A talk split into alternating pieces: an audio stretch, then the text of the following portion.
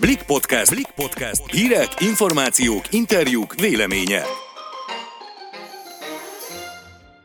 Sziasztok! Ez itt a Blik podcastja november 9-én hétfőn. Én Szabadfi Mónika vagyok. Én pedig Sérlei Noémi. Mai adásunkban azokról a szigorú korlátozó intézkedésekről lesz szó, amelyeket Orbán Viktor frissen jelentett be. Végül pedig ezt látó Judit mentálhigiénész szakemberrel beszélgetünk arról, hogyan készüljünk fel lelkileg az idei koronavírusos karácsonyra. Vágjunk is bele! Szerda nulla órától új időszámítás kezdődik Magyarországon. Első körben 30 napra a szigorú korlátozó intézkedéseket rendelt el Orbán Viktor. Este 8 órától például kiárási tilalom lép életbe, kivétel ez alól csak ugye a munkába járás lesz, és hát néhány rendkívüli eset, amiről még amúgy nem tudjuk, hogy melyek lesznek ezek. Szerintem csak időkérdése volt, hogy nálunk is szigorúbb szabályok lépnek majd életbe. Nyilván most mindenkit azt foglalkoztat és azon gondolkodik, hogy hogyan szervezett újra az egész életét. Át kell gondolnunk, hogy mikor megyünk boltba, mikor intézzük el az ügyes-bajos dolgainkat, hiszen a legtöbben általában 5-6 óráig dolgoznak, Konkrétan, ha például Budapesten a hazautazást is belekalkuláljuk, egy óránk marad arra, hogy bevásároljunk. Emiatt én például aggódom, hogy tele lesznek a boltok, és hogy feltorlódnak a, a vásárlók az üzletekben. Igen, és sok gazdi is bajban lesz, hiszen ugye eddig kutyasétáltatás címén sem lehetett kiárni évfél után. Most 8 óra előtt még a munka, majd a bevásárlás után a kutyussal is ugye majd le kell szaladni, és hát ugye ez csak az egyik szelet ennek az egésznek. Azt hiszem marad legalábbis többségünk számára a munka előtti hajnali bevásárlás. Nyilván ugye azok kivételek, akik hajnalba járnak dolgozni, de hát ugye itt van még az is, hogy újra be kell zárniuk az éttermeknek, és csak elvitelre dolgozhatnak. Rengeteg munkahelyet érint az, hogy az éttermeknek zárniuk kell, a szállodák csak üzleti célból fogadhatnak majd vendégeket, nem lehet lakodalmat tartani, a családi és különböző magáneseményeken, mondjuk egy házi bulin, legfeljebb tíz ember vehet majd részt, de ugye ezt már elmondták többször a járványügyi szakértők, hogy most azért nagyon nem tanácsos házi bulikat tartani, még akkor sem, hogyha tíz embert hívunk meg. És hát igazából általános rendezvénytilalom lép életbe, a sporteseményeket is zárt kapuk mögött lehet csak majd megrendezni, az amatőr csapatsportokat meg sehogy sem engedélyezik. Tudjuk, hogy ezek szükséges intézkedések annak érdekében, hogy fékezzük a vírus terjedését, és a kórházak leterheltségét valamiféle módon csökkentsük, hiszen nem egyszer kongatták már a vészharangot az egészségügyi dolgozók, szakszervezetek, szakemberek, hogy nem fogják bírni a, a, az ellátást. Ugyanakkor nem feledkezhetünk meg arról sem, hogy egy egész iparág áll most a földbe. A kormány ugyan próbál azzal segíteni, hogy az éttermek és szabadidős létesítmények dolgozói után erre a 30 napra nem kell járulékot fizetni, és itt az állam a munkavállalók bérének a felét megtéríti, de úgy hiszem ez most már nem vigasztalja a dolgozókat és a munkaadókat sem. Teljesen igazad van, így karácsony előtt szerintem ez, ez borzasztó hír. A bérfelének kifizetéséről meg csak annyit, hogy az emberek nagy többsége abból maximum az albéletét tudja majd fedezni. Én bele sem merek gondolni, mi lesz azokkal, akik például egyedül nevelik a gyermeküket, vagy éppen egyedül élnek egy albéletben, vagy akár a család mindkét tagja most munkanélkül marad. Hogy fogják túlélni vajon ezt az időszakot? Jó, hogy említetted ezt a karácsonyi időszakot, ugye lassan ráfordulunk erre az ünnepi készülődésre, és szerintem nem vagyok egyedül azzal, hogy, hogy azért már sokan azt gondoltuk szerintem, hogy, hogy erre az időszakra most már nagyjából lecseng ez a járvány, legalábbis nem lesz ennyire súlyos. Sokakat foglalkoztat Épp ezért szerintem az a kérdés, hogy nem lehetett volna elkerülni magát a kiárási korlátozást azzal, ha a tömegrendezvényeket már szeptembertől betiltják, a középiskolák, illetve az általános felső tagozatosok már sokkal korábban áttérnek a digitális oktatásra. Mint egy kicsit későn kapcsoltunk volna, és későn ébredtünk volna rá, hogy, hogy komoly a baj. Az iskola téma igen kényes szerintem, a tavasszal elfogyott szabadságok miatt is főként. Hát most az újonnan meghozott szabályok szerint 14 éves kor kor alatt még mindig marad a suli. A középiskolákban 8. osztály felett azonban jön újra a digitális oktatás, és hát most már a felső oktatásban is ez lesz a kötelező. Az biztos, hogy kemény időszak elé nézünk.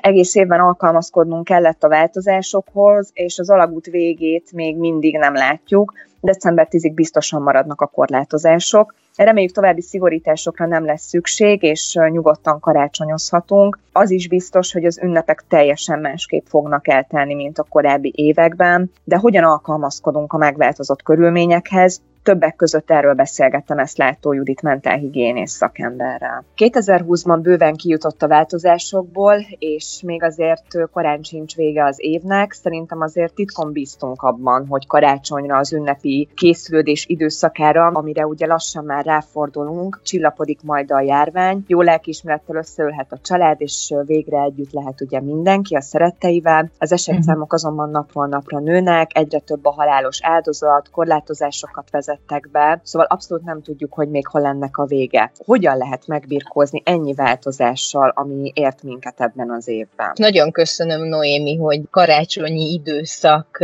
már szóba jön már most, és ez azért is fontos, mert, mert van időnk és lehetőségünk így lelkileg is felkészülni, és máshogy felkészülni.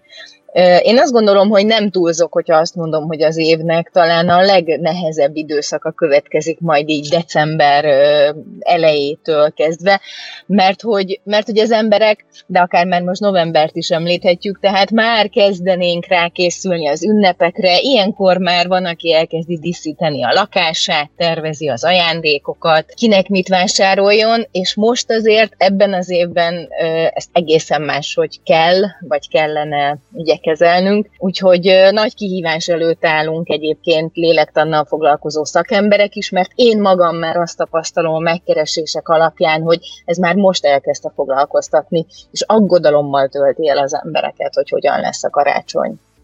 A korábbi években ugye több fórumon is olvashatunk arról, hogy a szeretet ünnepe az egy súlyos stresszforrássá változott, stresszelünk a bevásárláson, melyik családtaghoz melyik nap menjünk. Idén mi lesz számunkra a legstresszesebb az ünnepek előtt és alatt? Mik lesznek a legnagyobb kihívások? Idén is azt tapasztaltam, amit akár már a tavalyi évben is, vagy tavaly előtt is, hogy már október közepétől kezdve a boltok például elkezdenek karácsonyra készülni, tehát gyakorlatilag tele vannak a, a nagy bevásárlóközpontok már október közepétől karácsonyi dekorációval, karácsonyfákkal. Én egyébként ezt nem tartom jónak. És pontosan azért nem, mert hogy a karácsonynak kell, hogy legyen egy, egy rákészülési időszaka, na de hát az nem októbertől. Tehát ebben én magam már egy kicsit ilyen, már estresszelőnek érzem, egy ilyen nyomásnak, hogy na, akkor már most kezdjünk el azon gondolkodni, és te most vedd meg ezt, ezt a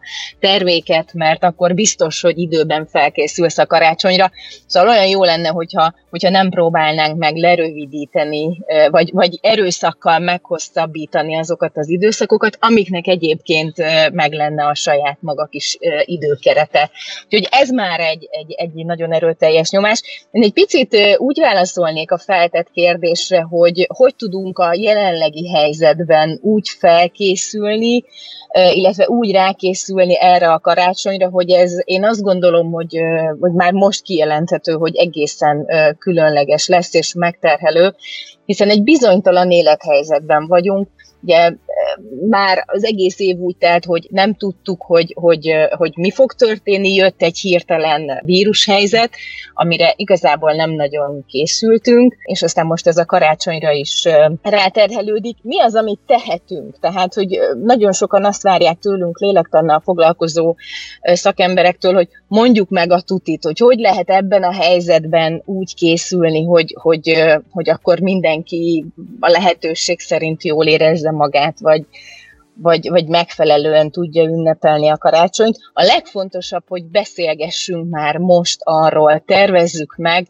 hogy milyen lehetőségeink, A, B, C, D terveink lehetnek a karácsonyra. Ez az egyik legfontosabb. A másik pedig, hogy mondjuk el a félelmeinket egymásnak a családon belül. Ki mitől tart, hogy tudjuk majd meglátogatni a nagymamát, milyen lehetőségeink lesznek.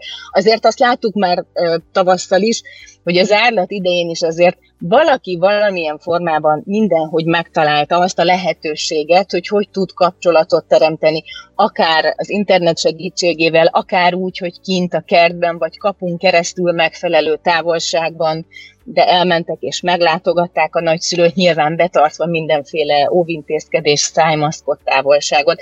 Tehát mindenre van megoldás, én azt gondolom. Sokakban felmerül az a kérdés, hogy hogyan látogatjuk meg a nagymamát, nagypapát, mi lesz erre most a menetrend, hiszen nem biztos, hogy most idén az lenne a legtanácsosabb, hogy együtt süssük a kalácsot és a beiglit, illetve tegyük fel a töltött káposztát. Most is az lehet a megoldás, ami tavasszal volt, akár húsvétkor, hogy az okos kütyűk lesznek azok, mhm. amik, amikkel most, most tudjuk tartani az idősebb szeretteinkkel a, a kapcsolatot, hiszen gondolom, hogy uh-huh. nagyon fontos az, hogy, hogy azért ők ne forduljanak most be ebbe az időszakba, hiszen talán nekik a legmegterhelőbb, hiszen ők a legveszélyeztetettebb korosztály, tehát most ugye a 60 pluszosokról beszélek. Én azt gondolom, hogy nincs olyan szabály, vagy nincs olyan megoldás, ami mindenkire egyform, egyformán érvényes lehet, és nem véletlenül mondtam, hogy már most ö, hozzon meg a család, üljön le és beszélgessen, és szőjön olyan terveket, ahogy mondtam, ABCD terveket, ami, ami egyébként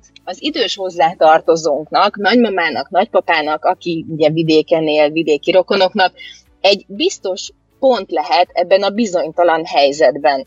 Tehát ők azt fogják érzékelni, hogy a család összezár, hogy tervezés van, és hogy valami megoldás lesz. Nagyon szépen köszönöm, hogy válaszolt a kérdéseinkre, a hallgatóinknak pedig a figyelmet. Köszönjük, hogy a Blik podcastjét hallgattátok, legközelebb hétfőn találkozunk. Sziasztok! Sziasztok!